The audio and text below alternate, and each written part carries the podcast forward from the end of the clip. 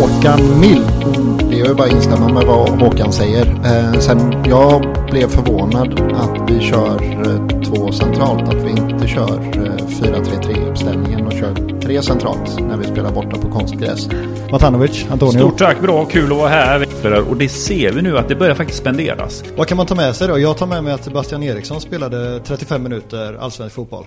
Då säger jag hej och välkommen till Kamratpodden avsnitt nummer 16. Och idag har vi med oss Håkan Mild. Hur är läget? Jo, det är bra tack. Härligt.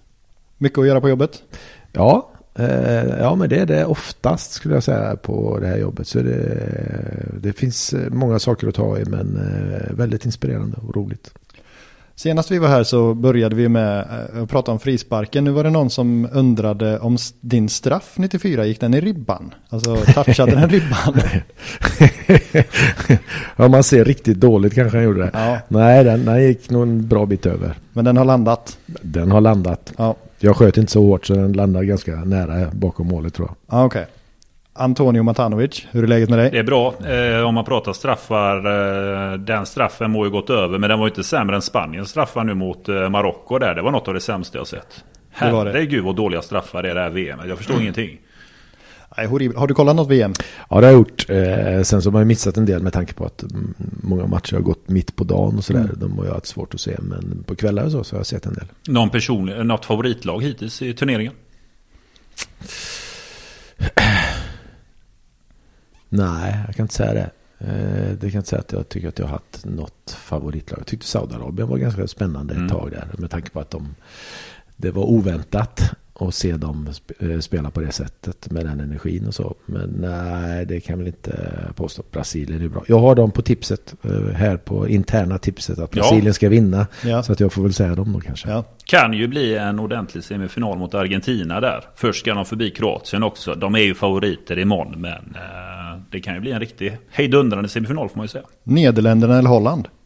Jag brukar säga Holland, Tack. men det är ju Nederländerna. När jag jobbade i radion så var jag tvungen att säga Nederländerna. Det var så? Ja, var, det någon som, var det någon som kunde säga till i snäckan om du sa fel eh, Holland? Nej, Håkan, det heter Nederländerna. Ja, det är absolut. Ja, jag absolut. Ja, och Strömberg hade lite problem med första Han hade jättesvårt. ja. Så kan det gå. Så kan det gå.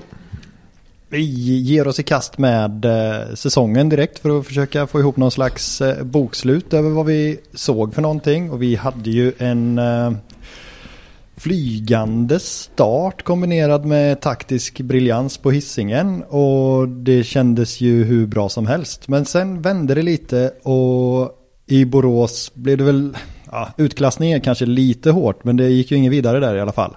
Eh, och sen vann man inte så mycket mer eh, under våren. Så man hade sju raka utan seger.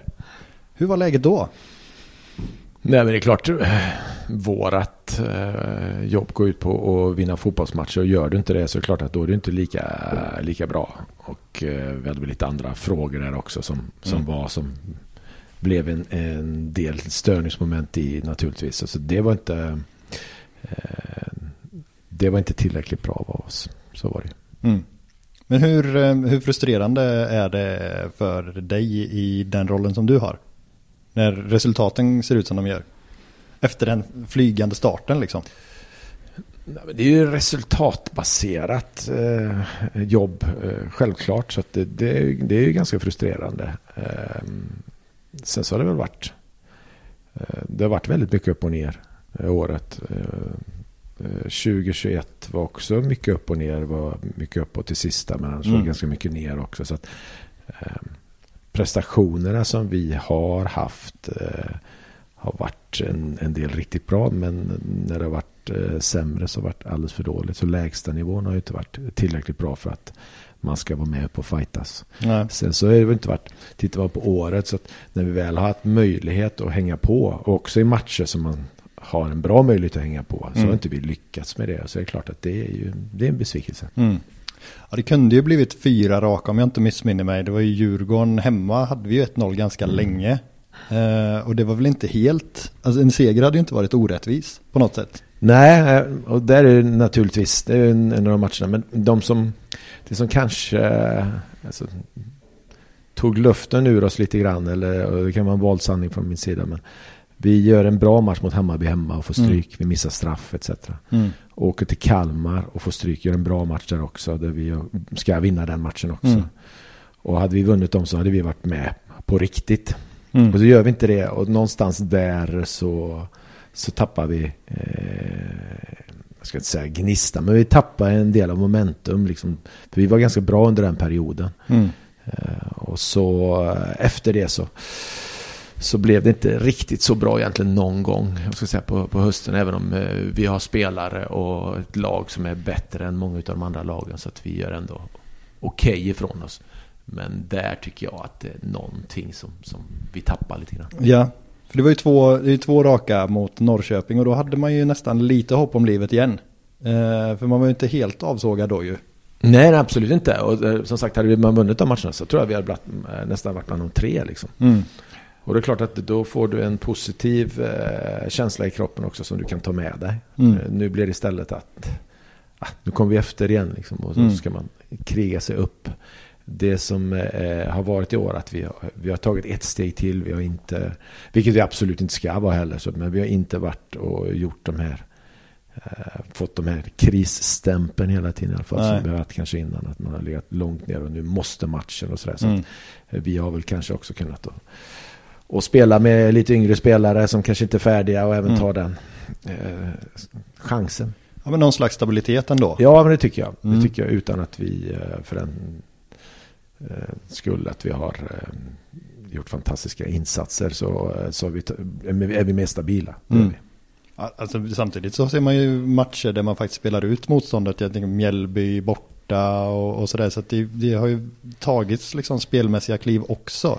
Samtidigt som man har haft väldigt svårt mot eh, lagen högre upp i serien. Vad, vad ser Mm. du är skillnaden mellan eh, Blåvitt och ja, topp tre kanske då? Ja, men de har varit lite tryggare i sitt egna spel, eh, känns det som. Och sen så jag tror att de lagen också har kanske haft eh, stabilare, någorlunda mer stabilt eh, samma lag hela tiden. Mm. Kanske lite mer än vad vi har haft också. Eh, hö, lite högre tempo. Djurgården har spelat ganska länge ihop. Mm. Samma tränare har ett, en idé att spela fotboll som de gör konstant och Mm. gör det väldigt bra. Eh, häcken har verkligen fått till det. Eh, Men de var väldigt bra spelare också. Och så har ju Blåvitt också. ja, absolut. Men de är nästan skräddarsydda för... Ja, precis. Och sen så... Eh, Hammarby har ju spelat kanske ibland den bästa fotbollen. När de är som bäst. Mm. Eh, och speciellt på hemmaplan på den planen också. Så att, eh, och de har också jobbat under en längre period än vad vi har gjort. Mm. Men vi, vi saknar väl ett visst tempo där. Mm. Och ett, ett samspel mellan varandra som de lagen har som vi inte har Vad beror det på då? kontinuitet eh, framförallt på, på givna positioner. Sen kan man inte säga att Häcken har haft kontinuitet. De har, ju, de har ju lyckats. Men, eh, De hade ett väldigt bra vinterfönster måste man ju ändå säga. Ja, med Martin Eriksson i spetsen. Det var ju bra sportcheferi. Och så ska det ändå stämma. Så, att, eh, Så är det, men allting följer på plats. Med, med ledare och allt sånt. Så att, nej men absolut, så är det. Djurgården, de, de har hållit på under en längre tid. Mm. Eh, också eh, ganska tydliga i sitt spel. De har, de har en, en, en mer kraft och energi i Mm. sitt spel. Och då pratar jag om match ut och match in. Ja. De har också gjort sina, sina matcher som inte har varit superbra. De har också fått stryk ett antal matcher. Ja. Men ser man över tid så har de liksom en, annan kontinuitet och en annan stabilitet. Ja, och Djurgården kanske inte åker till Sundsvall och får stryk. Nej, Med all respekt. Nej, så att åkte Degerfors och fick stryk. Ja, det gjorde de Så i och för sig. att, Ja, eh, sant. Även de har alltså också sina fläckar. Mm. Eh, Men inte så många gånger som vi har. Det som utmärker Djurgården tycker jag är att de har sånt otroligt tålamod i liksom den idén som de spelar efter. Det är ju ja, spelvändning efter spelvändning. De, de känns ju väldigt, det känns ju väldigt oforcerat. Ja, jag tycker ändå liksom man tittar på dem så gör de mycket samma saker. Och Gör man eh, det tillsammans som de också gör, de är väldigt lojala, Mm. laget. Mm. Vilka det än som spelar så är de väldigt lojala laget. Och, eh, nej, men det är väl de egentligen kan jag tycka över tid som har imponerat. Eh, både som klubb och, och ur ett spelarperspektiv också. Mm. Så att de är all cred till dem. Mm. Eh, Helsingborgsmatchen. Hur reagerade du på den? Tänker jag på förlusten. ja, jag förstår det. Ja, men det var ju också en sån här, det var också en match vi hade, det hade vi möjligheten att hänga på. Mm. Och så lyckas vi inte. Det är ju extremt frustrerande, eh, mm. tror alla tycker. Men eh, jag kan ju bara prata för mig själv där, men det är klart att det är otroligt frustrerande när vi har möjligheten att äh, göra någonting eh, riktigt bra och följa med då. Och då blir det också en boost med både med ur klubbperspektiv och, och eh, med supportrar och läktare och allt det här. Så det har en stor betydelse. Så lyckas vi inte med det. Så det, nej, det, det efter den matchen så var man inte så nöjd. Nej, nej med, med all rätt kanske. Ja. ja. Men var det inte lite, jag vet jag pratade med Mattias Bjärsmyr om den matchen. Han säger det är ju ingenting man pratar om som spelare. Men nu när säsongen är slut så kan han känna att den matchen var nog den som ändå tog lite luften ur. Man hade lite grann, eh, man pratar ju om att man inte tittar på tabellen fast man gör det hela tiden i sociala medier. Mm. Så kunde man känna lite grann att där försvann nog chansen, den lilla chansen man hade till Europaspel. Och jag tycker man kunde se det på matcherna efter att den där lilla procenten skillnad i det mentala det var det som avgjorde. Eh, vi hade ju sen förlusterna som Elfsborg hemma där vi börjar bra, släpper in dock 1-1 och någonting händer på plan tidigt där huvudena ändå på något sätt sjunker ner lite grann. Elfsborg ser man har mer energi och vi orkar inte. Och det är något som speglar även Sundsvall borta tänker jag.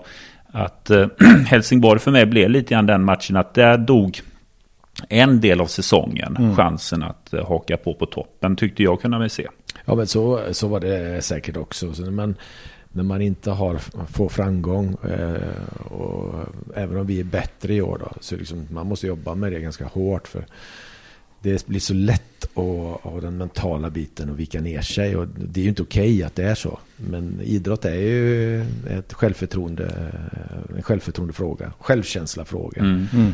Och eh, det är någonting som man jobba, måste jobba med konstant, både som lag och som, som individ. Att man, eh, man eh, verkligen gör något åt det när det inte stämmer. Mm.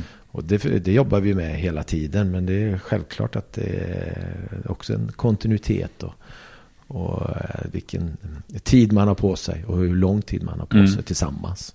Som skapar en, en styrka. Ja, och på tal om kontinuitet, om man tänker på Gustav Norlin som har gnetat på, han måste, han måste ju nästan vara årets utropstecken.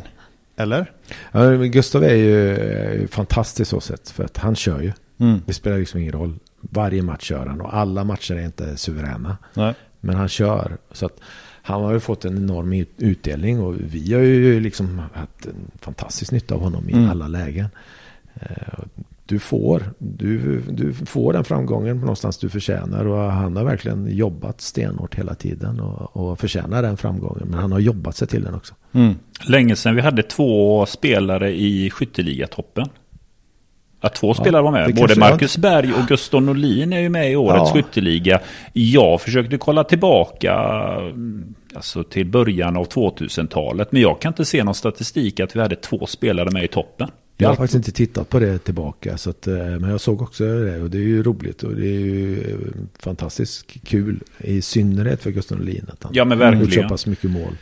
Och samtidigt kan det också spegla lite grann eh, vad vi, behöver ut, vad vi behöver bli bättre på nästa år. Att vi kan inte förlita oss på Marcus Berg och Gustav Norlin. Vi hade ju Kevin Jakob för all del också som mm. producerade mm. poäng här på våren. Men utöver Norlin och Marcus Berg så är det ett ganska stort steg ner till eh, spelare nummer tre som ska plocka poäng. Så jag misstänker att nu är vi redan inne lite grann på sillefönstret men det är väl någonting som Håkan Mild ihop med det sportsliga rådet tittar på poängspelare. Ja, men så är det ju alltid. Sen, sen, är det ju spelare som vi har och som spelar i de offensiva positionerna som behöver bli ännu bättre.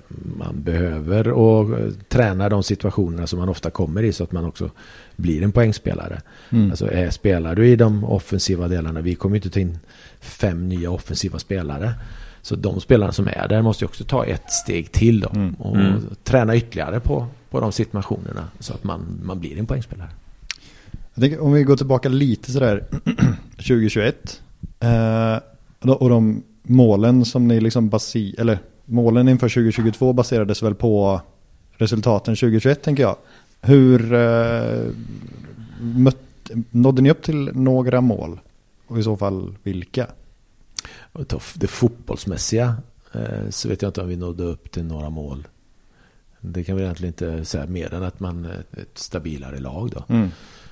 Men annars så nådde vi väl inte upp till de målen som eh, vi hade önskat. Men det släppte fram ganska många unga spelare ja, till exempel. Absolut, men om vi går på bara resultat ja, ja. Eh, så nådde vi inte upp till det. Men, men om man tittar på mm, att vi ska ha 50% eh, egna spelare från akademin i vårt mm. A-lag. Då når vi upp till de målen. Mm. Och vi tar dem lite mer mjukare mål då.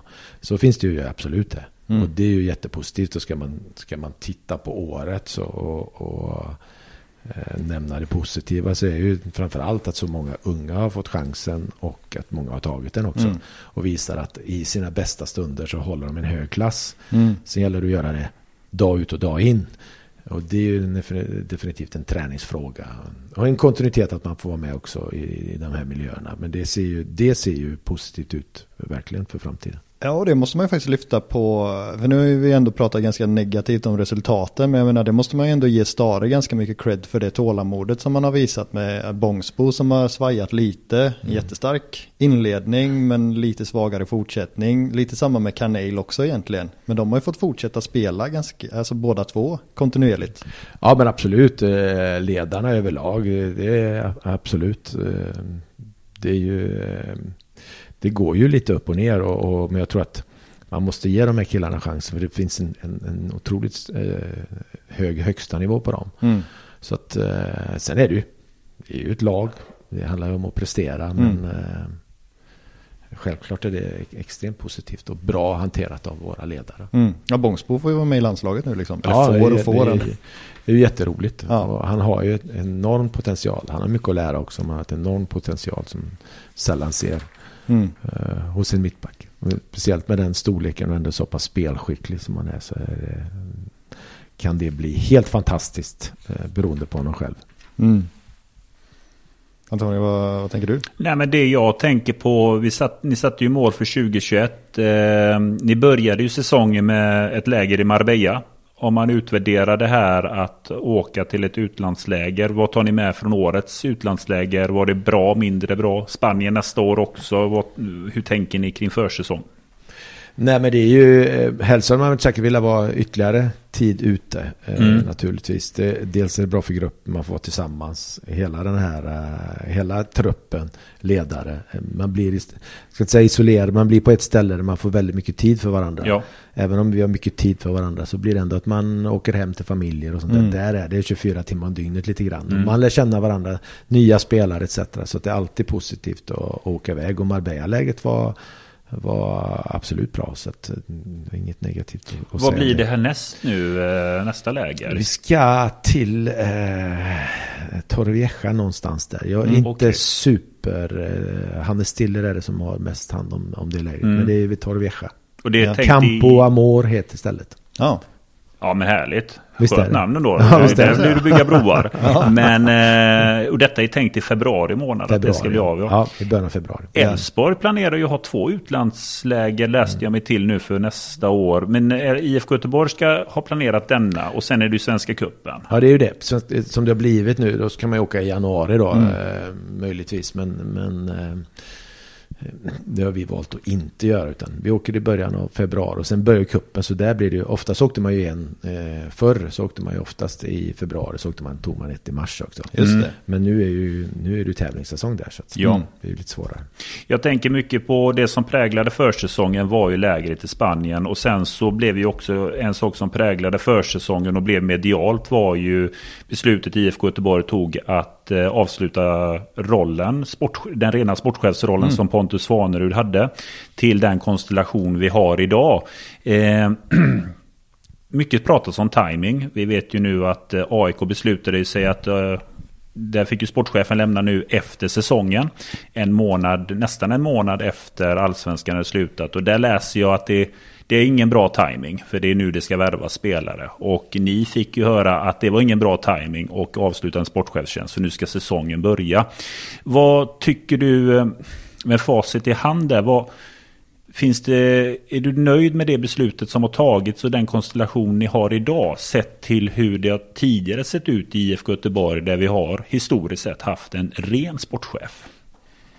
Jag, jag, tror att det är bra att man har en, en, en bredare eh, en bredare förankring med flertal personer. Mm. Sportchefsjobbet är ganska stort idag.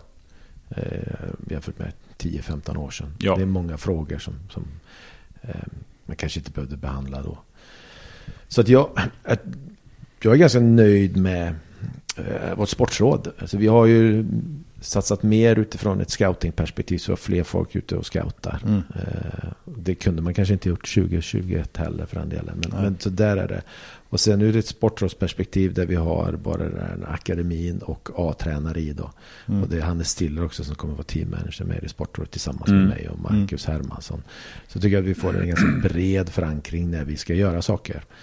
Eh, där vi får vi får akademins perspektiv och vi får tränarens perspektiv och vi har det ekonomiska perspektivet i, i, i Marcus Hermansson. Och så mm. sitter jag som klubbchef som eh, också är med. Så att jag tycker att eh, själva konstellationen så tror jag på ur ett, ur ett framtidsperspektiv. Och sen så har vi ju våran scoutinggrupp som är eh, ute och tittar. Och det är ju de som tittar på våra spelare. Mm. Och scouting, eh, om vi tittar nu eh, hur ser den ut från och med idag? IFK Göteborgs scoutingteam? Eh, våra scoutingteam det är Stig och så är det Olle och så är det David Vuksovic. Mm. Mm. Och där David jobbar mer då med den objektiva.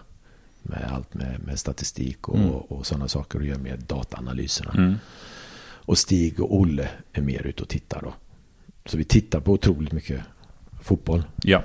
Eh, och där tycker jag att vi är, vi är, vi är bra med. Mm. Sen så ska du få hit spelare och sånt också i konkurrens med, med allt annat. Men jag tycker mm. att vi har en, en, eh, vi är väl förberedda för hur, med vår trupp. Vi sitter inte någonstans där vi är i panik. Nej. För jag tänker på det att eh, när då Pontus Svanerud fick lämna IFK Göteborg så var ju Silly-säsongen var väl generellt sett klar. Truppen var ju färdigsatt. Eh, fanns det någon oro när beslutet skulle tas det skulle påverka truppen på något sätt? Eller kände ni er trygga med beslutet att säsongen är nu strax igång och det kommer flyta på som vanligt. Fanns det någon riskbedömning i det? Ja, men det gör det ju alltid. Mm. mm. Det gör det ju alltid eh, när man tar beslut. Jag tycker det är extremt viktigt. Mm. Att vilka beslut du än tar så måste du kunna motivera dem. Ja. Sen så är det inte alltid motivera dem utåt. Men, men du måste kunna motivera och stå för det. Mm. Sen är det inte alltid det blir rätt ändå. Men där och då så var tanken så här. Eh, så det, självklart finns det en, en så kallad riskanalys i det. Ja. Och det är väl alltid när det blir oro och så en klubb som IFK Göteborg när det blir förändringar. Det är mm. klart att det, eh, det kan väl möjligtvis eh, påverka. Så det kan man inte säga något om. Men det är ingenting som jag känner så här efteråt. Att, att vi kan skylla på något. Nej. Att vi levererar inte på grund av det eller något sånt. Nej, men nej, det, det, kan jag inte.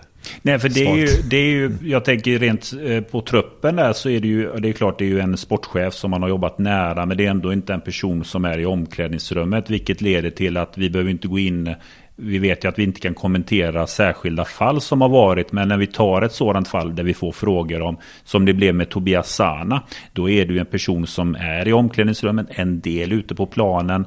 Och det måste väl ändå skapa någon form av oro när det blir den typen av händelse. Och i en klubb måste det bli lite mer, det blir väl ett mer störande, uttrycket blir ett mer störande moment som påverkar sporten.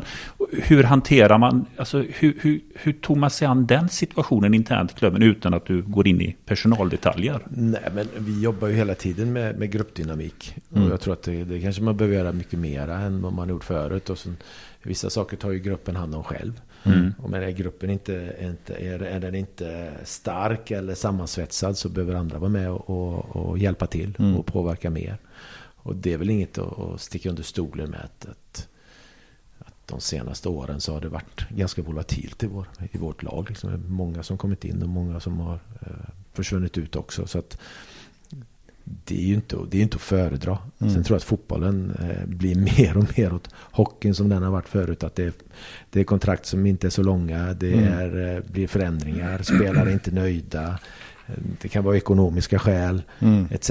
Så att, du stannade på ett ställe eh, längre förut. Du ja. kanske hade lite mer tålamod. Idag ser det inte så ut. Det är en, en mer en, en, en industri. Mm. Nu har jag varit här i två år. Och som sagt, jag var sportchef förut och varit borta i sju, åtta år. Det är en, en annan, ett annat tankesätt både från agenter, spelare och klubb jämfört med vad det var, vad det var då. Ja, jag tänkte bara bita mig fast lite för ni gjorde såklart en risk och konsekvensanalys inför uh, att göra sig av med sportchefstjänsten då tänker jag.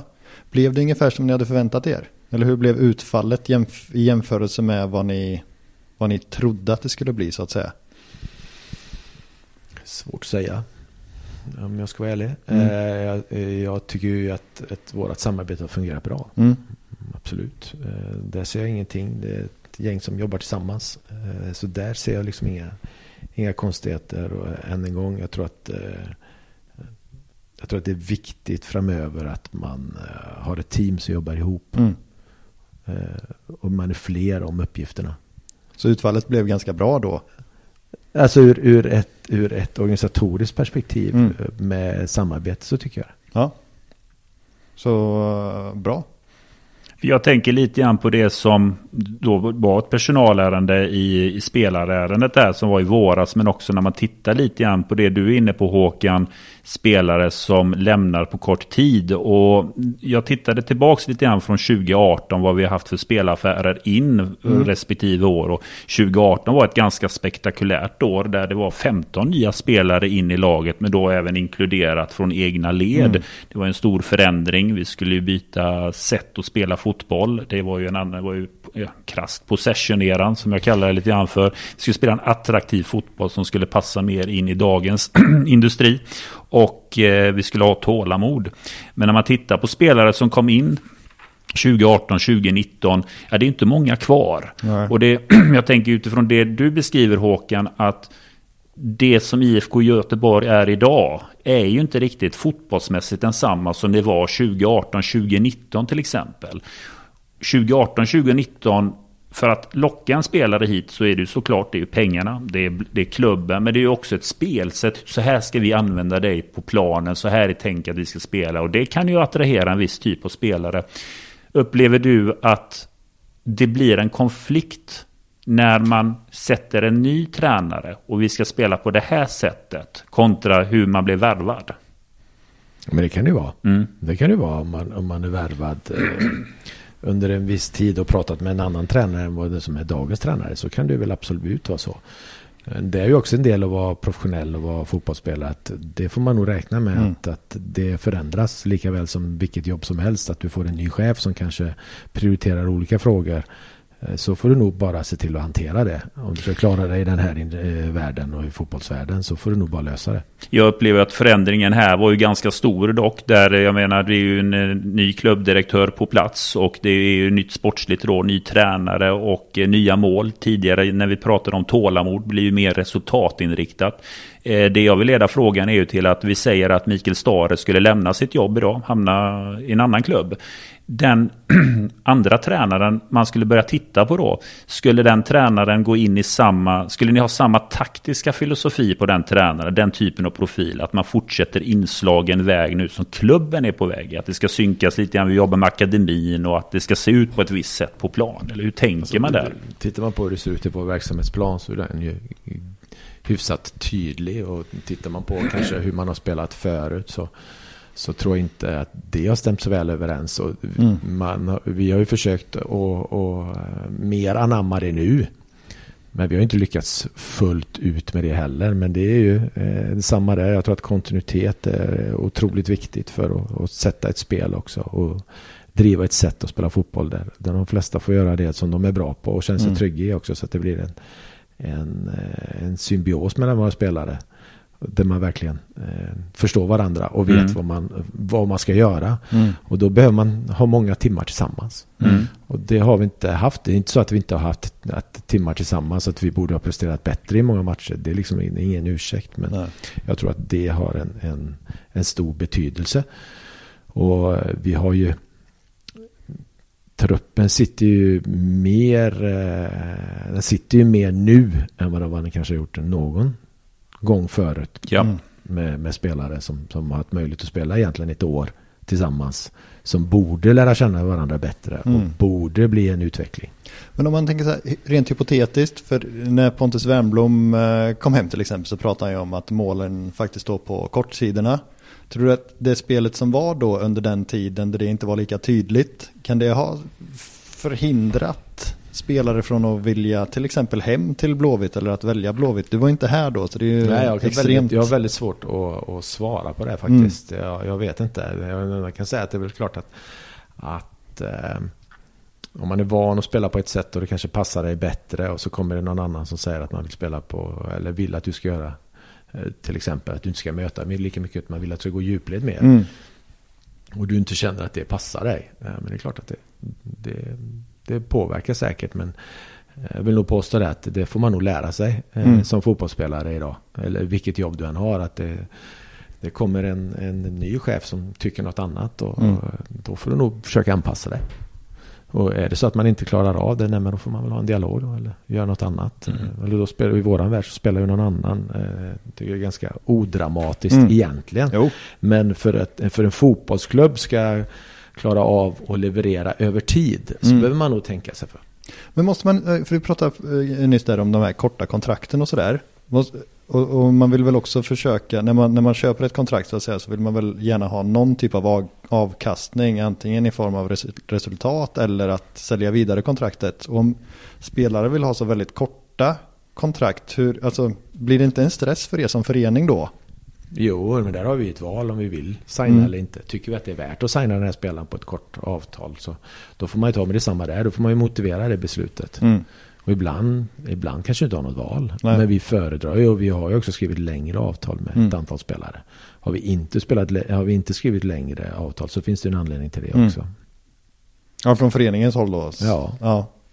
Men sen kan det ju vara att en, en spelare, nej men jag vill bara skriva ettårsavtal. Mm.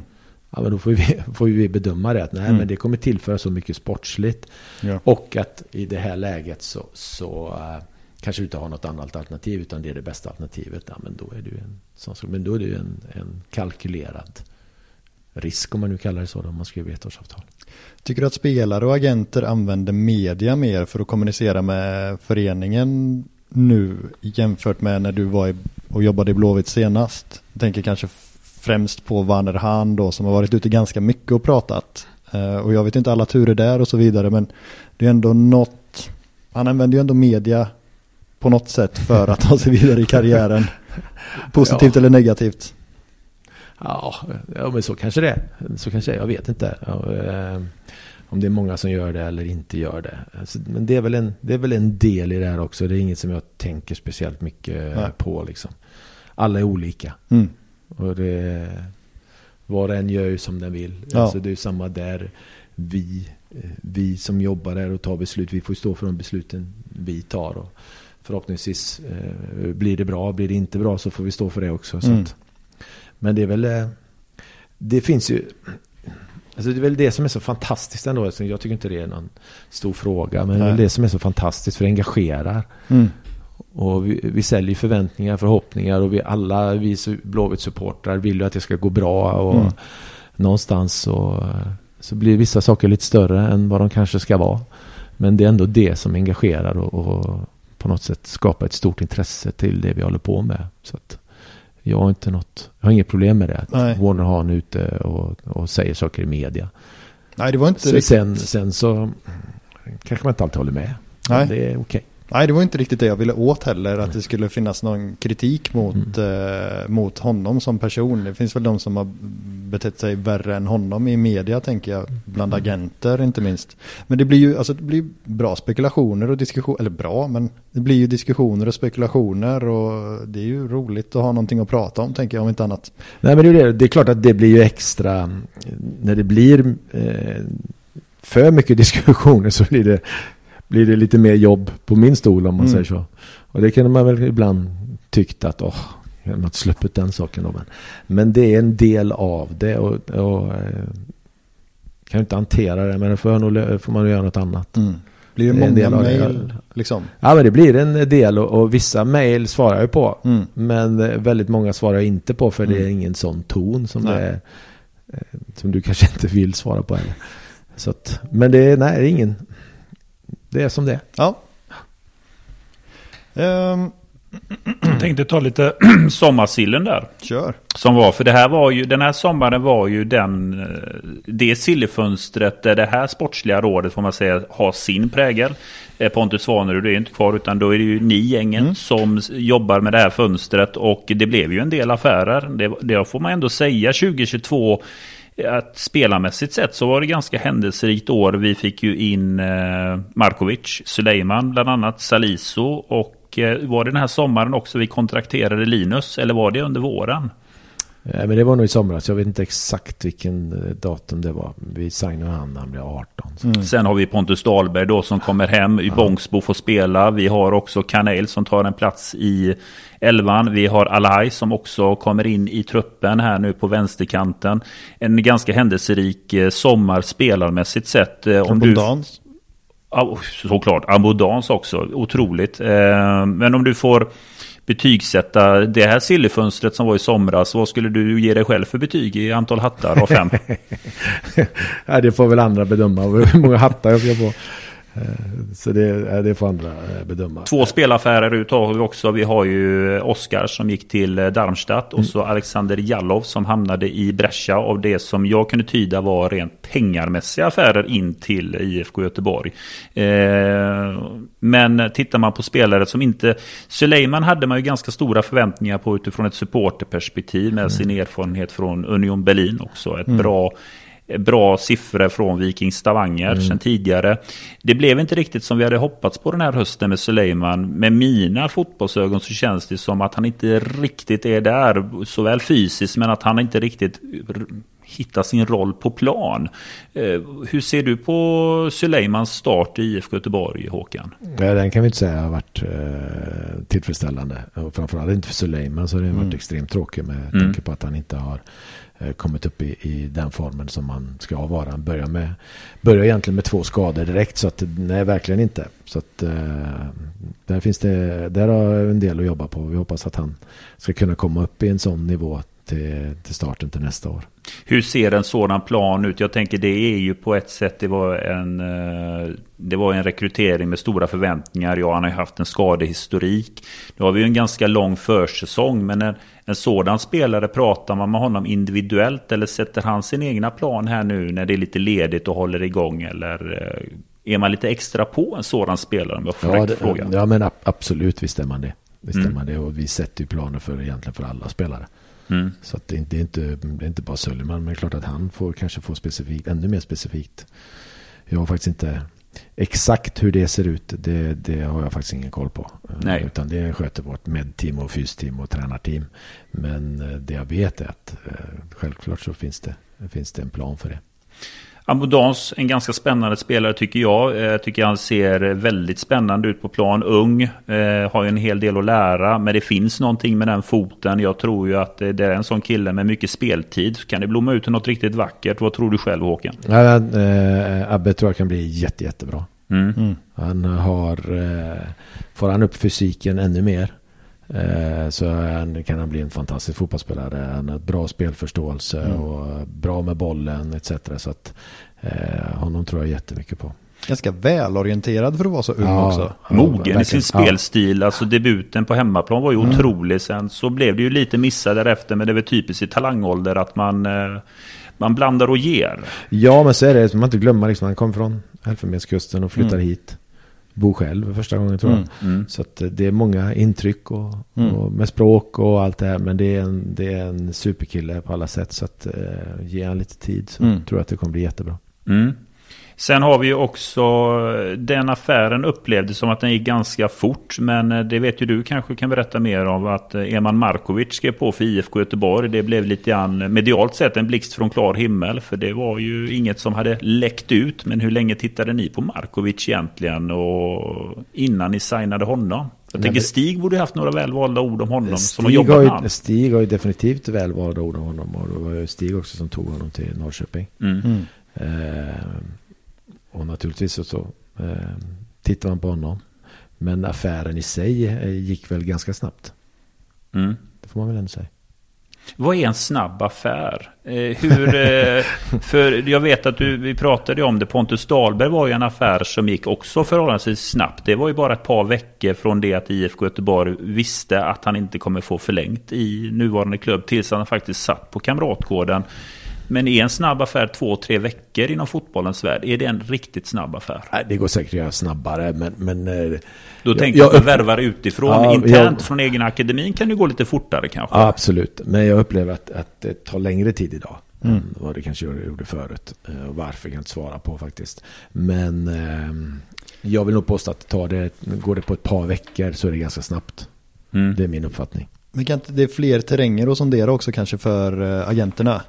Ja, men det är det säkert. Och, och någonstans i en förhandling, eh, när det blir en förhandling med klubb och spelare, mm. så tar det ofta lite längre tid mm. än om man bara har en part att, mm. att förhandla med. Två... När möjligheten att värva Pontus Dahlberg dyker upp, då vattnar det nästan i munnen, eller? Nej, men det, naturligtvis är det en, det en, får du den möjligheten på det mm. sättet. Eh, plus att det finns ju ett potential där också. Eh, och dels att det är en IFK-kille som har varit här förut. Mm. Det är också ganska enkelt. Han känner till oss, han, mm. miljön. Han mm. har tränat här förut. Eh, så att det blir ju bra mycket enklare. Mm. Eh, men som sagt, få hem Pontus Dahlberg på fyra och ett halvt år. Mm. Ett avtal på det sättet. Det är det händer ju inte varje dag. Nej. Det skulle du väl ändå klassa som bra sportcheferi, Håkan? jag vet inte. Lika mycket tur. Det ska man ju också ha, ja, såklart. Mm. Två affärer ut egentligen om man ska se på anmärkningar. Affärer ut som ska anmärkas. Eh, tidigare år så har vi redovisat, det är ju så i boksluten att IFK Göteborg redovisar ju nettovinsten av spelarförsäljningar. Mm. Inte vad den faktiska affären är. 2021 var den på 38,9, 2022 eller 2020 22,05. 2019 var den på fina nästan 40 miljoner där med. Om, nu ska ju verksamhetsberättelser sammanställas. Vi vet om att det ekonomiska mm. utfallet mm. kommer landa väl. Eh, vad, vad, vad blev den ekonomiska vinsten av årets spelarförsäljningar? I år? Mm. 2022? Ja, eh, någonstans mellan eh, 20 och 24 tror jag. Mm. Och det får jag ju säga är en styrka för att vi backar ju egentligen i vinsten då med nästan 15 miljoner kronor mot förra året. Men trots det så kommer vi redovisa ett bra resultat trots att vinsten på försäljningen minskar. Vi har gjort ett eh, fantastiskt år, framförallt med, med publik. Så är det. Och det är ju tack vare våra supportrar och alla som går på matcher och engagerar sig. Ni som sitter här. Mm. Eh, men eh, vårt team här har ju jobbat stenhårt med de frågorna. Mm. Så att det är ganska tuff budget eh, i år. Mm. Där liksom det var frågor om, om ja, men är det här rimligt? Mm. Är det rimligt? Ja, men det, det, det trodde vi att det, att det skulle vara. Men vi har ju slått det säkert med 25-30 procent den budgeten. Men hur är det då? För jag tänker, det, som sagt, det gick ju lite halvknackigt ändå i, eh, i allsvenskan. Men publiken bara fortsätter strömma in.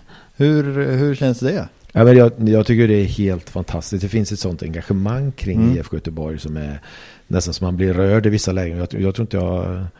Det kan ju ha att man blir äldre och mer mjuk och, i, i ögat, höll jag på att säga. Mm. Men jag tror inte jag har upplevt det, just den den känslan som finns för IFK Göteborg. Att så många vill vara med och vara delaktiga och, och hjälpa till. Mm. Och just med att man, och det är ju en del att gå på matcherna. Mm.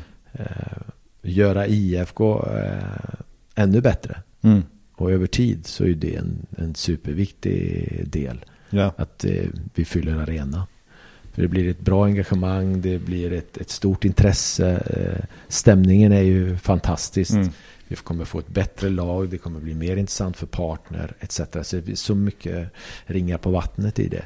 Mm. Så där har eh, alla som har jobbat i IFK Göteborg, men i synnerhet de på, som jobbar med det varje dag, gjort mm. ett superjobb tillsammans med supportrar och, mm.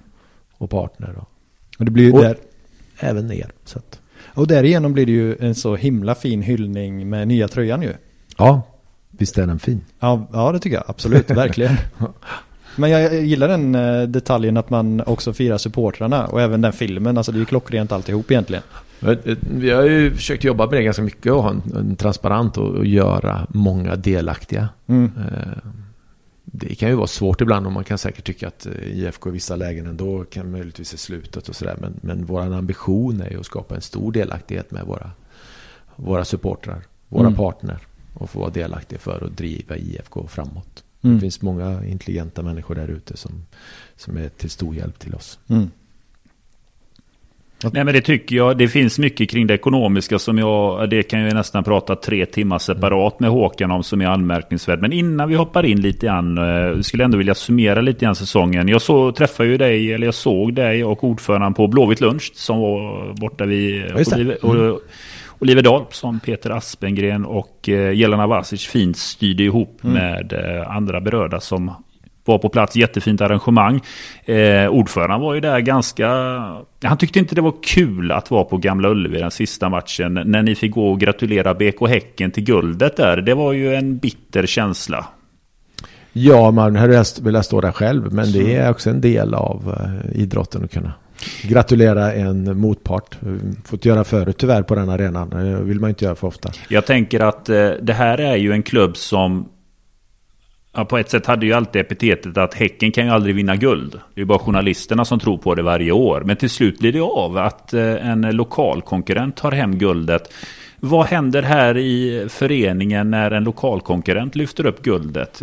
Hur är stämningen ett par veckor efter när säsongen är slut? Eh, jag kan bara svara för mig själv där. Liksom. Och det kan jag säga att varje gång det händer att någon annan vinner guld än IFK, vilket har hänt en ganska antal då eh, det är inget som jag engagerar mig i överhuvudtaget.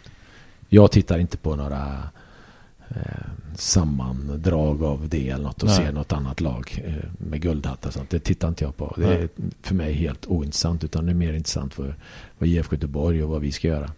Ja, jag tror inte jag besökte varken Sportbladet eller eh, Fotbollskanalen eh, på flera dagar efter Fanns ingen anledning. Nej, det gör inte jag heller. Nej, jag undvek bara GP egentligen. Men eh, med det sagt. Eh, nej, men jag, för jag tänker lite grann just det att det blir ju Göteborg som stad ska ju attrahera partners. Och jag menar, BK Häckens skuld gör ju också att det stärker ju deras varumärke. Hur ser vi BK Häcken här nu framöver som... Eh, kom, tror du att de kommer patentera sig uppe i toppen här nu även kommande säsonger sett till var de står idag som klubb? Jag tror att det är ganska volatilt i överlag i, eh, i allsvenskan. Sen så finns det alltid de lagen. Uh, och där är Häcken med tanke på uh, med Gothia Cup och sånt så har ju de bra möjligheter att hela tiden vara där uppe. Med mm. de större lagen med, med bra publik till exempel. Så det tror jag väl att det finns alla möjligheter. Men sen så är ju det, vandrar ju det lite upp och ner i alla mm. fall. Mm. Så att men möjligheterna finns ju absolut. Och jag tänker inte så mycket i de banorna. Vi måste ju tänka på vad vi ska göra och vad mm. vi ska göra mm. bra.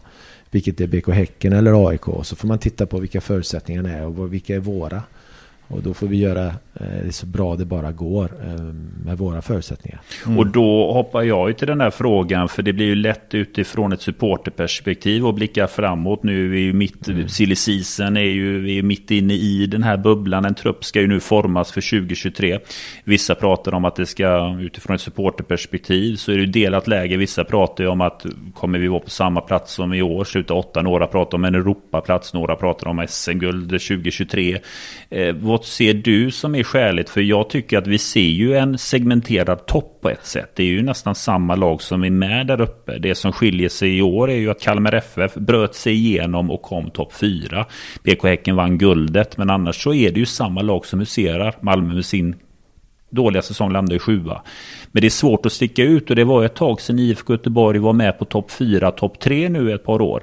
Vad är skäligen utifrån ett sportsligt perspektiv och tro att vi ska landa nästa år. Såklart att det, jag antar att ett mål är att vi ska göra det bättre. Men hur mycket bättre kan vi bli nästa säsong tror du Håkan? Ja, men jag, jag, tror att just den stabiliteten och leverera dag ut och dag in, vilket är träning och, och match, så, så, finns det ju absolut bra möjligheter att, att ta sig högre upp i tabellen. Men det gäller att, att, att göra ett hårt jobb varje dag. Mm. Och sen är det ju ganska jämnt jag tror absolut att vi kan vara med där uppe och fightas eh, om medaljplatser. Eh, men då ska vi ha lite tur och det ska stämma etc. Och eh, vi ska vara mer samspelta. Vi ska vara en, en, ett, vara mer tydliga än vad vi kanske har varit eh, mm. hittills i år med vårt sätt att spela. Och att vi har fått jobba lite längre tid med, med laget. Så finns det absolut möjligheter. Men det kommer inte att kommer absolut inte att göra sig självt. Utan vi får se till att göra saker och ting ännu bättre. Mm. Ännu mer tidsinsättning. Träna ännu mer, ännu tuffare. Mm. För att nå framgången. Vi har ju levt, vi har ju haft ett par år med ekonomisk stress eh, som har präglat vår vardag där IFK Göteborg har varit tvunget mer eller mindre att sälja spelare för att få ekonomin att gå ihop. Det var ett par år sedan där vi låg riktigt illa däran kring det ekonomiska. Med eh, årets resultat där vi igen då kommer gå plus så kommer vi ha ett starkare eget kapital. Utifrån ett sportsligt perspektiv kan man känna att till nästa sommar att, det, att ni kan vara lite lugnare. Man kan andas lite mer och känna att man kan ha lite is i magen när en klubb ringer. Att man måste inte tänka på att vi måste sälja för att få ihop ekonomin. Det går faktiskt att säga nej nu på ett annat sätt. Eh, ja, men det gör det ju. Eh, det gör det på grund av att vi har gjort så pass eh, bra ifrån oss mm. på andra delar. Så gör det det. Sen lever vi naturligtvis i en värld att vi vill ju bygga IFK Göteborg ännu starkare.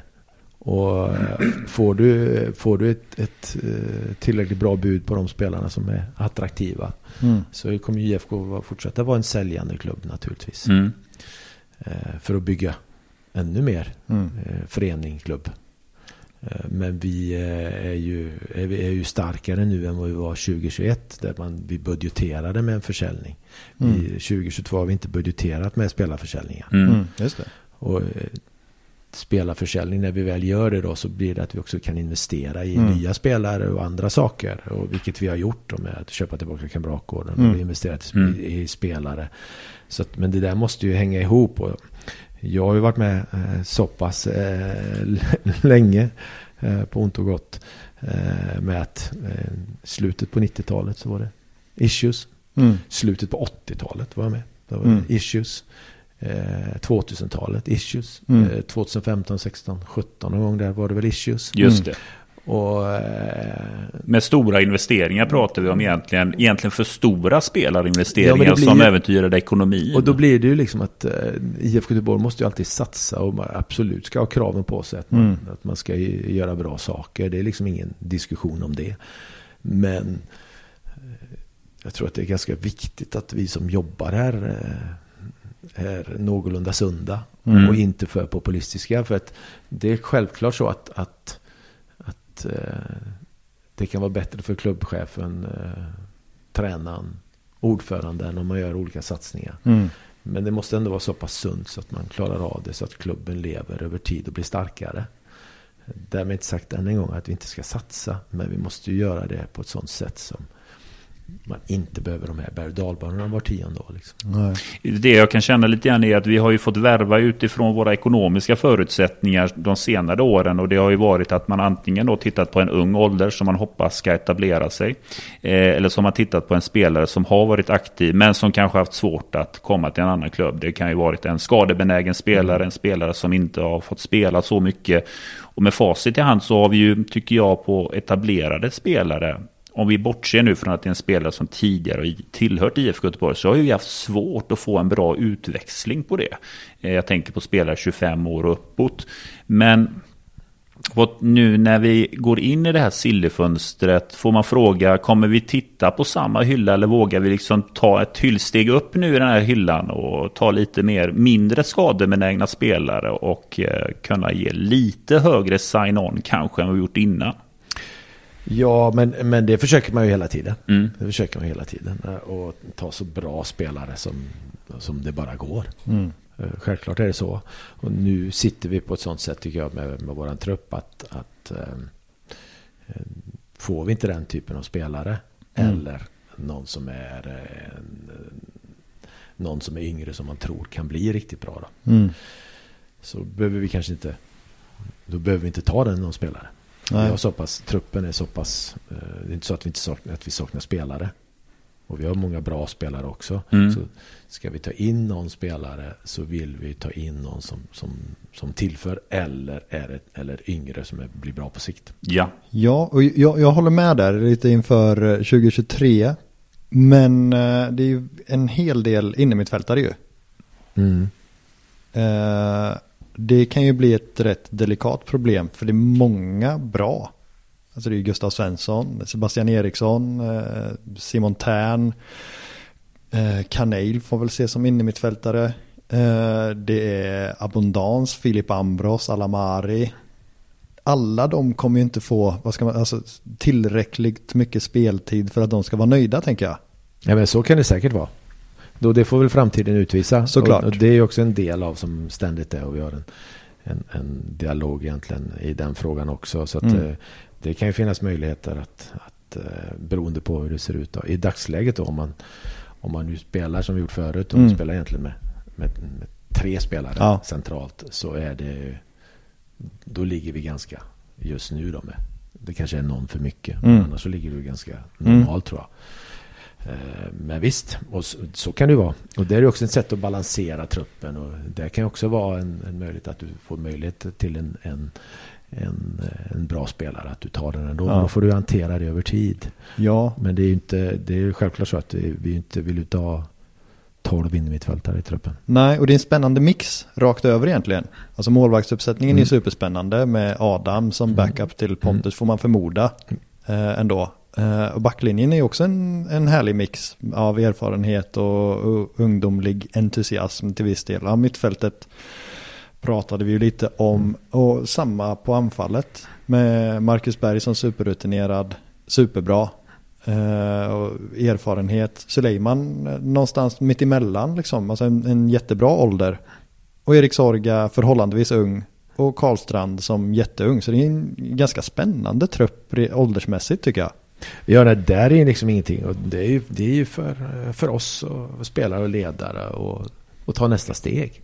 Mm. Och liksom och, och verkligen eh, ge sig hän och lägga ner kraft och tid för att bli så bra som man, man uh, har möjlighet att bli. Och, uh, tittar man på hur det ser ut hos oss här, liksom, så finns det alla möjligheter att bli riktigt, riktigt bra i fotboll. Det, ju, det finns ju inget, inget snack om det.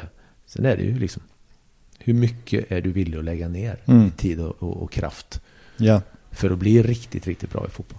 Ja, man måste välja mellan Instagram och, och, och träningsplanen. Ja, jag tror att du bör välja träningsplan. ja. ja, det är helt riktigt. Och det är klart att eh, alla är sitt eget varumärke på ett mm. annat sätt idag. Och det, det kanske är viktigare. Eh, men för mig så är det ju naturligtvis att, vad gör du där ute på plan? Ja. Vad, gör vi, eh, vad gör vi allihopa? Och det gäller för våra, för våra tränare och sånt också. Att att se till så att vi är där ute så mycket det bara går.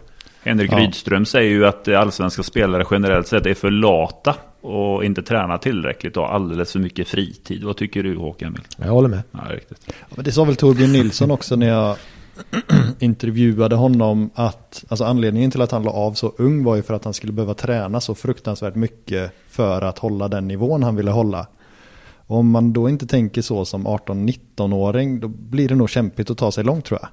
Ja, du behöver vara på något sätt eh, extremt dedikerad. Mm. På gränsen till besatt för mm. liksom, att du ska ta nästa. Konkurrensen är stenhård. Mm. Men är det något våra yngre spelare eh, gör så är det ju att träna. Mm. Så att det är ju när vi kom, de kommer upp till, till vårt A-lag att vi ser till så att de får den mängden ja. eh, träning, utveckling. Ja. För det har vi, vi har eh, tillräckligt många ledare så att det, det är ingen fråga mm. Eh, för oss. Så att, eh, det är väl eh, absolut något vi kommer att prioritera ännu mer. Behöver ni gå in och bromsa ibland? Jag, det ryktas väl om att Hasse Blomqvist till exempel tränade för hårt. Alltså att hans kropp inte riktigt höll för att träna så hårt som han gjorde. Jag kan, kan inte svara på det. Det beror väl på vad man tränar på också. Mm. Eh, men, men, frågan blir väl om ni behöver bromsa vissa? Ja, eller? men det finns absolut vissa eh, mm. som man kanske behöver göra det. Men det är ju en del också. Men hellre det än tvärtom. Mm. Absolut. Så att, eh, vi jag, har rekord i lyssnarfrågor. Vi har jättemånga lyssnarfrågor. Oj. Och det, vi, ska, vi måste ju, lyssnarna ska ju få säga sitt. Men jag tänkte bara nu när vi är i silly season här nu. Det är också en av frågorna. Men Eh, en styrka vi har med det svenska sillefönstret här är ju att vårat är ju längre än många europeiska fönster. hur tänker ni? Tänker ni att eh, det bästa är att sätta truppen nu direkt i december? Eller ska man också se att ah, det kan ju alltid vara någon härlig Hamsik-figur ute i mars månad man kan surra lite med? Det är ju trevligt. Helst så vill man ju ha klart truppen ja. så tidigt som möjligt. Men eh, det är väldigt sällan det är så. Mm. Eh, var Djurgården på ett sätt som sticker ut lite ja, det sillefönstret ja, nu. Men övriga har ju knappt börjat. Ja, och, och de har haft också en, de har, men de har ju också gjort det i förra fönstret så gjorde de ju en del. Mm. Eh, så de är hyfsat eh, färdiga. Men de har gjort en del eh, bra saker. Mm. Eh, definitivt. Eh, men helst vill man ju vara färdig. Ja. Så att man får jobba så mycket som möjligt. Gärna en så komplett trupp som möjligt. Lagom ja. till, eh, vad hette, vad hette Amork-lägret där i, ja, definit ja, i kärlekens Definitivt, ja exakt. I, i februari. I februari vill man ju definitivt att, att det ska vara satt. Men Kul. det är inte alltid det så. Får man fråga, det lägret, är det i mitten av februari? Jag tror det är den andra till tolfte tror jag det. Det är ju lite kast att missa 14 februari ändå. Ja, men då kom, ja precis. det är ju rätt värdelöst planerat av Det var, eh, det var ett krav från alla spelarna. De var tvungna att komma hem till sina flickvänner. Såklart. Jag måste bara skjuta in en liten fråga där angående silly season och sådär. Alltså jag tänker med, med tröjnummer och sådär. Finns det, kan man, om man tar in en spelare som vill ha nummer, om tian är ledig till exempel. Kan det vara så att nej, men den vill vi nog spara till en eventuell värvning längre fram? nej, jag har aldrig varit med om det riktigt nej. faktiskt. Eh, nej, det har inte. Då nej. behöver man nog ha något. Men då måste man ju vara bra om man ska ta en tia. Du kan ju inte komma som eh, en 16-åring från, eh, ja men säg någon liga och börja och ta nummer 10. Det funkar ju inte riktigt så. Han får ju acceptera att 24 är starten och sen får du jobba dig upp med rätt nummer, tänker jag. Vi skiter i nummer 10 i IFK. Det är bara sju som är intressant. Det är helt riktigt. Ja, ja, det är såklart. Ja, jo, den, eh, den väger tungt. Jo, men på tal om tröjnummer. Ja, det har jag fått många som har varit på min sida där. Och eh, vi är på samma sida där, Daniel. Ja. Eh, Pontus Dahlberg vill ju faktiskt ha nummer 99. Den har han inte kvar nästa säsong. Det kan han inte få. Nej, det tror jag inte. Nej, nej. Det tror jag inte. Det, men, men, det jag, har inte, vi har inte jag har inte varit med och diskuterat den i alla fall, men det tror jag inte. Men det är inte okej, okay, kan vi konstatera. Det kanske inte är det. Nej. Jag, jag, jag, eh, I sak så är jag ju över 50 så jag håller ju med dig. Ja. Men det är inte säkert att, jag är över 40 och är lika bitter. exakt, exakt, men det är inte säkert att vi är rätt referensgrupp där. men det är sjukt många av dem vet ju inte vem 99 är. Utan det är bara, det är ju ett härligt nummer. Ja. Det är ju Martin Dahlin som satte trenden först, visste du det? Han Nej, tog ju den i Hamburg. Okej. Okay. Ja, gick det bra för honom? Nej, jag har inte sett många 99 som lyckas. Det är också en spaning. Det tar vi en annan podd. Nej, men det, en annan dag. Ja, det släpper det. Ja. Du, vi har fått jättemånga lyssnarfrågor och det här är ju ett sånt avsnitt där vi ska summera säsongen. Så lyssnarna ska få säga sitt här. Christo är du redo Håkan? Ja, ska försöka. Ja, det är härligt. Kristoffer Brun här. Kort och gott, hur ska vi bli bättre än botten och mittenklubbarna och närma oss övre skiktet? Alla klubbarna vill ju utvecklas och vill framåt. Hur gör vi det bättre och snabbare än de andra? Jag tror att, jag tror att det är väldigt svårt att ha någon sån här quick fix. Liksom. Eh, jag tror att eh, kontinuitet och, och eh, en tydlig idé är extremt viktig. Kontinuitet återkommer du till? Ja, men det är det. Jag har mm. pratat med andra klubbar också som har haft framgång. Liksom, vad är... Alltså, vad är det som har gjort att man har lyckats? Liksom? Mm. Då, nästan alla man kommer fram till att man har en idé. Och det finns också studier på det. Att man, man tror på någonting och jobbar efter det över tid så, så blir det ofta en framgång. Mm. Och det tror jag med. Och jag tror att det är väldigt svåra med fotbollsklubbar överlag. Liksom. Det är volatilt. Nu mm. har vi bytt mycket, mycket människor i ledarperspektiv. Liksom. Mm. Och så byter man mycket med ur ett, ur ett eh, med spelarperspektiv också. Mm. Det är svårt att, att, ha framgång över tid. Mm. Och mm. där behöver vi bli klart bättre och vara mer långsiktiga i allt vi gör. Mm. Kontinuitet, långsiktighet. Han hade även till fråga, vad är Blåvitts spelsystem och hur vill eh, hur vill Håkan Mild att det ska vara? Alltså, vi har diskuterat det, och jag kan bara prata om de här åren eh, som jag har varit här nu, men innan så har vi diskuterat det. Men ska mm. vi sätta ett spelsystem, ska vi spela på det sättet? Och det försökte vi göra eh, ja, för ett, ah, ganska många år sedan. Mm. Men vi kom ganska fra, snabbt fram till att och sätta det att det alltid ska vara så. Mm. Det, I det näringskedjan där vi är så har du spelat med Pontus Wernbloom och så försvinner han. Då är det ganska mm. svårt att hitta Pontus Wernbloom. Alla är unika. Så jag tror ja. att man ska passa sig för att säga att exakt att vi måste spela 4-4-2 eller vi måste spela 4-3. Utan mm. jag tror man får ha en disposition på, på hur laget ska se ut. Eh, med vilken kvalitet spelarna har. Mm. Sen så kan man alltid försöka att ja, men vi spelar alltid med en fyrbackslinje. Ja. Vi kanske behöver ha, eller vi kanske alltid sitter med två mittfältare. Ja. Och sen därefter så, så hittar man lösningar. Ja. Nu säger jag inte att vi alltid ska sitta med två mittfältare. Men jag tror att nej, det är lite nej. mer sådana. Och att ja. vi har en idé när vi, upp, när vi utvecklar våra yngre också. Att vi vill mm. spela i hög hastighet. Vi vill spela bollen framåt. Vi vill, vi vill vinna led. Mm. Vi vill spela med hög press. Ja. Så att eh, vi är med i en modern fotboll. Sen ja. om det är vilken, eh, vilken sifferkombination det är en annan femma tycker jag. Ja, det du säger är att vi ska servera en trerätters men den kan smaka lite annorlunda beroende mm. på vilka kryddor vi har just idag. Ja, lite så. Kolla kylskåpet och sådär. Ja, men, det är ju vettigt. Men, li, mm. li, lite så. Sen så ska vi ju alltid ha en, en, fotboll som, som är full av intensitet mm. och vi vill spela framåt.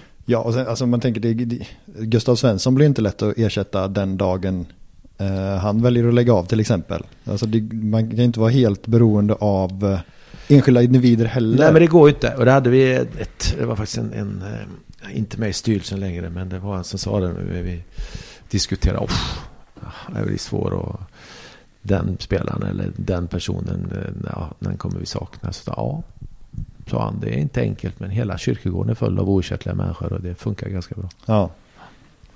Kabba, Kabba Samora med pannbandet här undrar, eh, hur ser organisationen ut för damlaget nästa år? Nu när det faktiskt blir en ny serie. Det blir ju ett eh, nytt eh, längre resor, mycket större dagar som ska läggas nu på själva matcherna. Sen vad det varit tidigare. Ja, det kommer att ges eh, eh, bättre förutsättningar för våra damer i 2023 än vad det har gjort 2022 naturligtvis. Mm. Eh, det är Peter som är ansvarig för, för damlaget. Och organisationen eh, runt damlaget håller Peter på att jobba på också. Så att eh, jag är helt övertygad om att det kommer att bli väldigt bra. Mm. Peter är en fantastisk ledare. Ja visst är han ja, otrolig. En, enormt bra. Så att ambitionen är ju att, att ge vårt damlag så bra förutsättningar det, det bara går. Mm. Otrolig serie nu också nästa säsong. Ja, Bland annat har vi ÖIS och Malmö ja, FF i samma. Det. det blir ju ja. bra för Eskilsminne också. En duktig klubb i ettan. Det blir ju... Ja men alltså de klubbarna, den klubben som avancerar från ettan kommer ju gå väldigt bra i elitettan. Det är en otrolig serie. Ja, en tuff serie. Det blir, Verkligen. det blir en rolig serie. Ja, mm. det uppmanar vi. Det finns ju årskort till damsidan också, så passa på. Det blir en häftig serie. Ja. Eh, Fröken Blåvitt då, Jelena Vasic, bland annat involverat då som jag nämnde vid Blåvitt lunch. Vilka strategiska mål har man för 2023? Är man nöjd med kommunikationen utåt eller kan du Håkan se att man kan göra förbättringar? Känns inte som vi har ägt kommunikationen alla gånger och saker har hunnit blåsa upp till stormar innan klubben själv har valt att kommentera Stor fråga, mycket kommunikation mycket stor nu fråga. Och då, mm. Ja, precis. Och då får man, nog, får man nog eh, specificera det när det har gjort det. Då. Eh, och då finns det säkert anledning till det. Vi, det är ju samma där. Eh, vi jobbar ju jättemycket också och ökat resurserna på vår kommunikation. Mm. Men vi är liksom, det är det som är IFK Göteborg engagerar. Mm. Och vi är ju en, ja, vi är ju, visst, vi är en stor klubb i Sverige, men om man tittar på vilka resurser vi kan lägga på kommunikation kontra andra bolag kanske mm. gör. Så, så jag tror inte vi, vi skulle nog kunna kommunicera hela tiden. Och jag är inte säker på att det skulle räcka ändå. Mm. För att eh, man skulle nog tycka att det går att, att göra mer. Men eh, jag tycker att vår eh, kommunikationsavdelning gör ett, ett, ett eh, jättebra jobb. Mm. Och eh, fortsätter att utvecklas egentligen hela tiden. Så att eh, det, går att göra, det går att göra mer och det går att göra bättre och det är vår ambition också. Men eh, måste säga att jag, jag, tycker att de har gjort ett, ett väldigt bra jobb i år och också varit med och varit eh, stor del delaktig också att, att vi har så mycket publik på våra matcher. Men det är också svårt det där för att man vill ju också att ni lägger fokus på kärnverksamheten någonstans. Alltså man kan ju inte kommentera allting heller. Alltså, och vad är en storm och så vidare. Det är ju... Nej men, nej, men eh, nej, så är det. Och sen så kanske man tycker det utifrån och så vi kanske inte tycker det alltid. Mm. Och sen så blossar det upp så blir det större än, mm. än, än, vad det är. Men jag vet inte någon gång i år egentligen som vi inte haft Alltså att, att vi inte haft kontroll på vad som händer. Ja. Det vill jag inte påstå. Sen så kanske det inte har alltid möjligtvis sett så ut utan jag kan komma på något bara sådär på rak arm så vill jag nog påstå att vi har Vi har en, en, en, god intern dialog på hur mm. vi ska kommunicera och inte kommunicera. Sen kan ju saker bli, bli fel i alla fall. Men där är jag, där är jag väldigt tillfreds. Ja. Jag, jag är helt övertygad att det kommer att bli bättre och bättre för varje år som går. Daniel Lundström undrar hur lyder planen för att komma ikapp eh, toppklubbarna ekonomiskt? Vi har ett ganska stort gap, eh, glapp här nu. När jag tittade på det egna kapitalet mm. så ligger vi till just nu, nu innan verksamhetsberättelserna är eh, släppta för alla klubbar så är vi på plats nio. För det är ju faktiskt så att Brommapojkarna har ett högre eget kapital än vad vi hade 2021. De fick ju en rejäl slant för Dejan Kulusevski alltså. när han såldes från Juventus till Tottenham. Så hade de en klausul, de får ju bidrag på mm. alla de affärerna även när han gick, nej förlåt mig, det var ju när han gick till Juventus från Parma. Det kom det ju en jätteslant mm. och det kommer mm. komma en slant nu när han går till Tottenham med. Mm. Men eh, ja, en stor fråga. Men eh, vi har ju som sagt en eh, arena som är knökad nu får man ju säga. Det, vi har ju en, en anmärkningsvärd hög beläggningsgrad. Det är ju vi och Hammarby som är bäst i allsvenskan. Mm. Det är svårt att kräma ut mer från Gamla Ullevi. Sponsorerna växer ju, merchen går ju bra. Men vad behövs göras mer Håkan för att vi ska liksom nafsa ikapp Stockholmsklubbarna här nu först som första steg? Nej men eh, på kort sikt så är det ju naturligtvis sportsliga resultat men också sälja spelare och, mm. och bli ännu duktigare på det. Mm. Eh, eh, något annat sådär eh, för att göra en quick fix eh, ser jag liksom inte utan det är att ta sig ut i, ta sig ut i Europa och vara duktig på och, och sälja våra spelare som blir mm. bra. Då. Och se till att få, att få fram ännu fler yngre. Jag tycker akademin eh, gör det bra. Jag tror att vi har haft i år mellan 30-35 individer på pojk och flick. Mm. Eller även upp till A-lag som, som har varit i IFK från tror, 2001 och, och neråt. Som har varit i någon, deltagit i någon typ av landslagsverksamhet. Ja. Det är eh, jättebra. Det gäller för oss att ta hand om dem. Mm och göra det på ett ännu bättre sätt än, än vad vi har gjort. Ehm. Det är ju ganska mycket akademi i dagens eh, herrtrupp ju. Ja.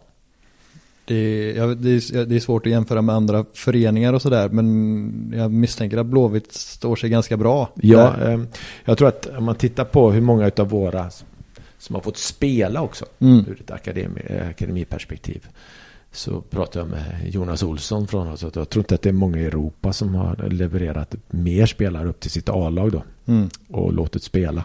Mm. Och, det, och det där är ju på, tittar man på, om jag pratar med Bode till exempel, så har de också haft en, liksom att 50% ska komma från akademin. Mm. Ska alltid flyttas upp två spelare varje år från akademin. Och det har vi i vår verksamhetsplan också. Mm. Ja, och, det, och, det, tycker jag är väldigt bra att det är så. Mm. Men, men eh, Bode har ju svårt att lyckas med det idag.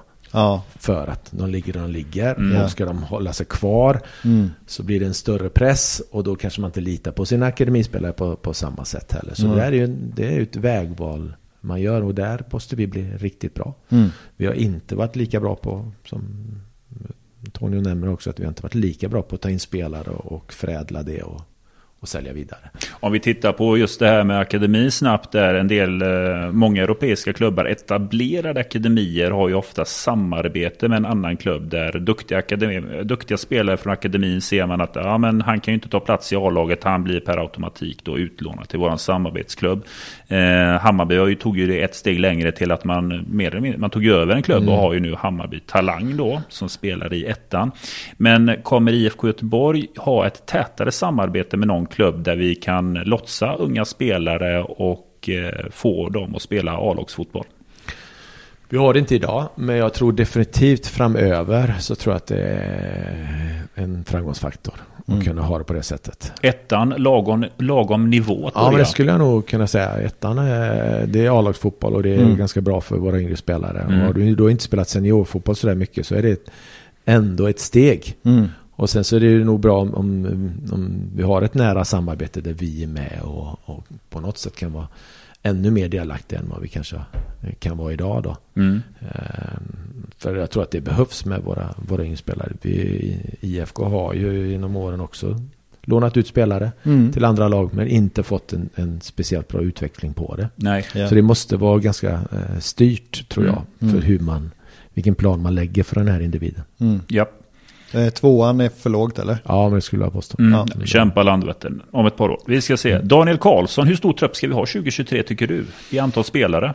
Jag tycker inte vi ska ha mer än 25. Mm. 24 idag va? Ja, det är kanske det. Mm. 24, 25. Ja. Och sälja mm. lite då på plats lite nytt då? Ja, men jag tycker inte man ska ha mer och framförallt inte för att eh, det finns ju olika anledningar att vi har haft det i år då, men vi har varit ganska mm. mycket yngre. Eh, men jag tycker inte man ska ha mer också för då täpper du till för de yngre spelarna. Sen mm. beror det på också hur ser det ut, hur ser det ut underifrån mm. i, i de närmaste åldersgrupperna. Ja.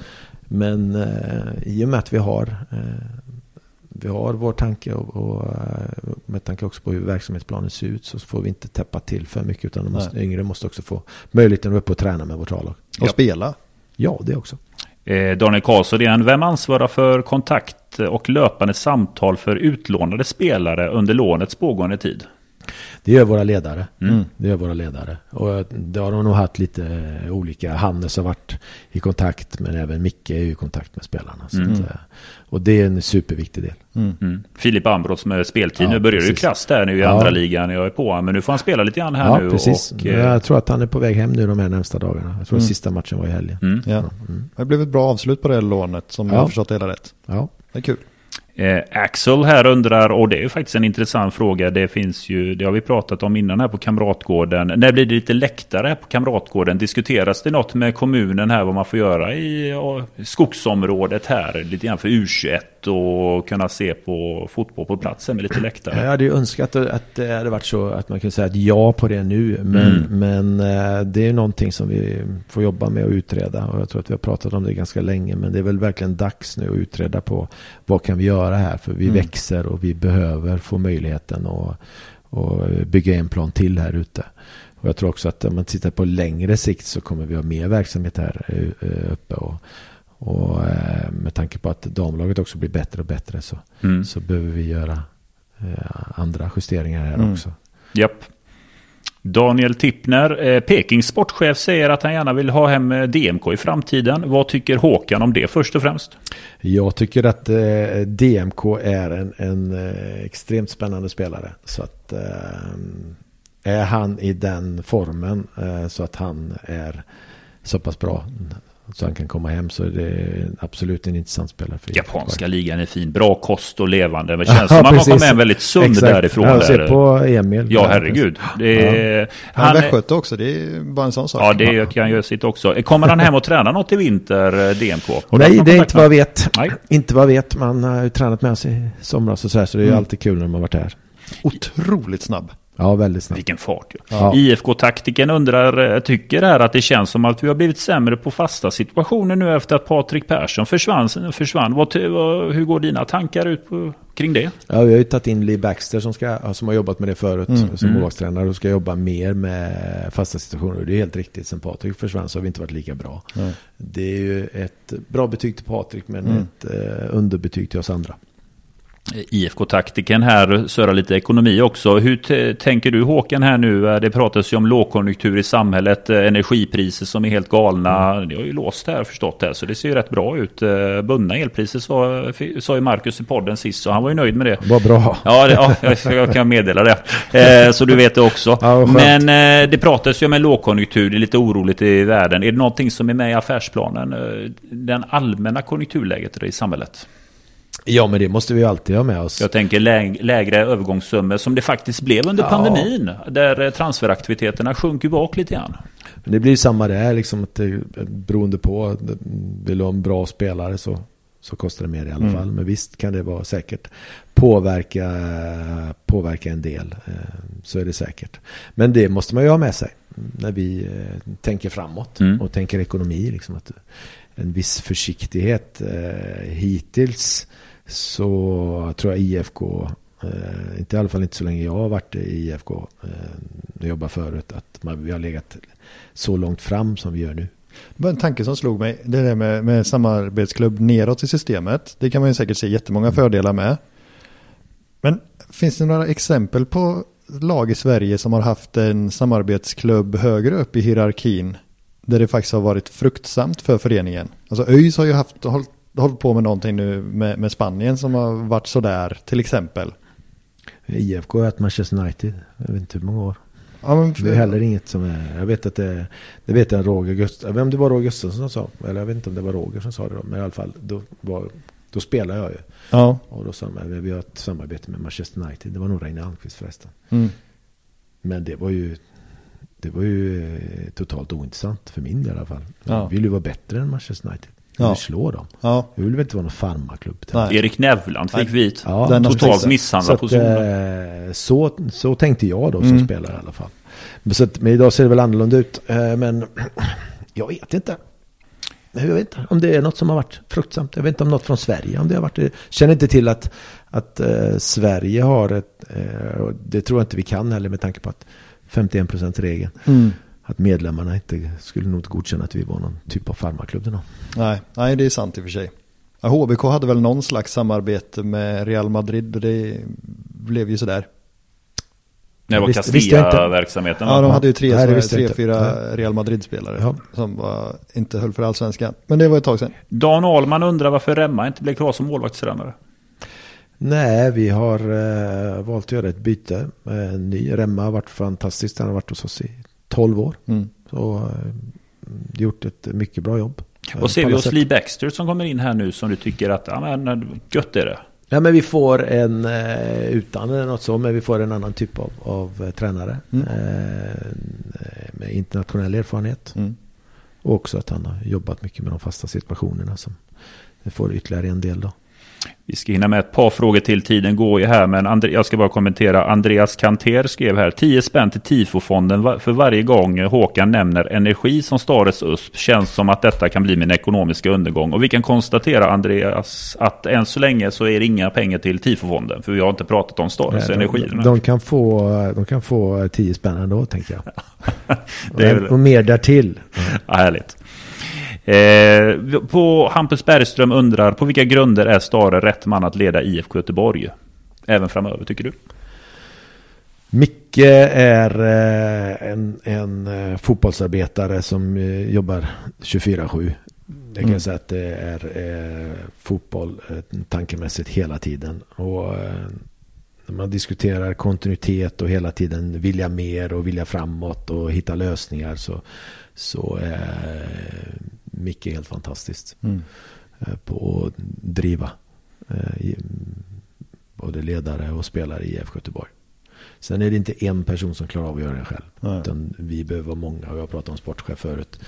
Man behöver vara ett gäng som, som jobbar tillsammans och, och driver i en riktning. Och, eh, det behöver finnas dynamik där man har olika tankar och åsikter. Men att man är så pass trygg i den, i den tillvaron så att man kan göra det. Men- det är också Med all- kontinuitet i det. Liksom, och, och lära känna varandra Ja. hela vägen.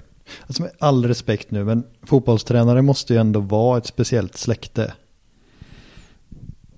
Ja, alltså... Eh, Inte nödvändigtvis. alltså nej, inte men, nej, negativt. men jag, jag tror att det blir, det är inte superenkelt. Eh, alltså utifrån, eh, man kan titta på Henrik Rydström har gjort det jättebra. Men eh, att du ska orka så som det är, för det är Mm. konstant hela tiden. Och är det så att du inte är det, när du jobbar med fotboll överlag så behöver du vara rätt intresserad av, Mm. av de här sakerna. Mm. Och speciellt om du, om du eh, är tränare och sånt så är ju det. Det är ju året runt. Mm. Från morgon till kväll. Och sen så behöver man klara av då naturligtvis att vara påkopplad och, och Mm. avkopplad. Så att du ändå får hittar eh, en balans i det. För Mm. det är otroligt svårt att, att hitta en balans. För vi tävlar hela tiden. Ja. Det är nästa och det är nästa och det är nästa. Så det är inte enkelt att bli fotbollstränare. Nej. Kan jag säga. Och du behöver lägga ner otroligt mycket tid och kraft. Och gör man inte det. Nej, du kanske kan klara en liten stund. Men du Mm. kommer inte bli bra över tid. Nej. För att du behöver hela tiden vara, eh, titta på fotboll och, och följa med. Vad är de nya rön och hur ska vi bli Mm. ännu bättre? Hur ska vi utveckla den spelaren etc. Så att, eh, det är eh, stora krav, framför allt på att lägga ner eh, kraft och tid. Och det är inte, det är inte bara, speciellt Nej. inte i dagsläget. Nej. Typ Roger Gustafsson som kom sju och gick hem nio. Det finns Mm. inte så många av den sorten. Nej. Antonio. Två frågor till har vi. Sen måste vi ju börja tänka på refrängen här. Eh, experten undrar, vad, tror du om Mileta Raj, eh, Rajovic? Bra spelare. Ja, men det är en bra spelare. Ja. Eh, Det, det, det tycker jag. Bra stats där och bra fart på han i andra ja, ligan. men det, det tycker jag. Det tycker jag. Han har gjort det bra i Nästved. Mm. Mm. Kommer han att hälsa på KG snart? Igen? Han har inte varit på KG. Nej, det ser man. Agenterna hittar ju på ibland. Mm. Eh, och där jag får ju ställa frågan. Eh, vinterbadar du? Eh, eh, nej, det kan jag inte påstå. Inte utomhus i alla fall. Nej, nej. Vill, vill du inte bada? nej, men jag kanske jag skulle tycka att det kan vara härligt någon gång kanske. Att pröva. Ja. Om jag har nära till att komma in i en ja. bastu eller något sånt då. Mm. Ja, ja. ja nej, men det väljer du själv. Jag tycker inte du behöver. Nej, tack. Eh, det var, vi har fått så många frågor. Vi mm. beklagar att vi hinner inte på den här tiden besvara alla frågor som Säg kommit tack. in. För det var verkligen ett rekord. Mm. Innan vi rundar av avsnittet så vill jag bara komma med en liten uppmaning Daniel. Okej, börjar rappa på lite tror jag. Det är som så att i december månad så har ju supporterklubben Änglarna en kampanj. Målet är ju att man ska växa nu från 2250 till 2500 medlemmar innan årsskiftet. Och genom att du blir medlem i supporterklubben Änglarna så får man ju rabatt på samtliga bortaresor samt förköpsrätt på de resor som säljer slut snabbt. Din och investeringen gör ju också att supporterklubben Änglarna kan i sin tur investera i våran supporterkultur. Tåg och bussresor blir ju subventionerade och vi kan också genomföra fler och fler evenemang till våra hemmamatcher. Teckna ditt medlemskap på änglarna.se medlemskap. Bli fler, växer vi, blir vi starkare. Det är en uppmaning från supporterklubben Änglarna. Så häng med i kampanjen, ni som inte har tecknat, så når supporterklubben Änglarna målet 2500 medlemmar. Och vi når tidsmålet. Tack så hemskt mycket för att du tog dig tid, Håkan Mild. Tack själva.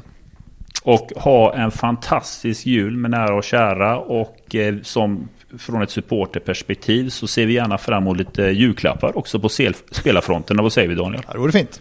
Ja, vi fick ju en tidig där i och med eh, Sebastian Eriksson i och för sig. Ja, du är rätt nöjd. Din sill är klar. ja, min sill är klar. tack så mycket tack Håkan. Så mycket, Håkan. Ja, tack. Ha det gött. Tack. Hej. Hej. Hur är din form? Eh, jo, men uppåtgående då. Som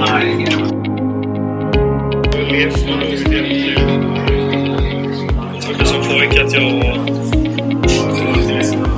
Ja, det var en dröm att spela i ett skitbar.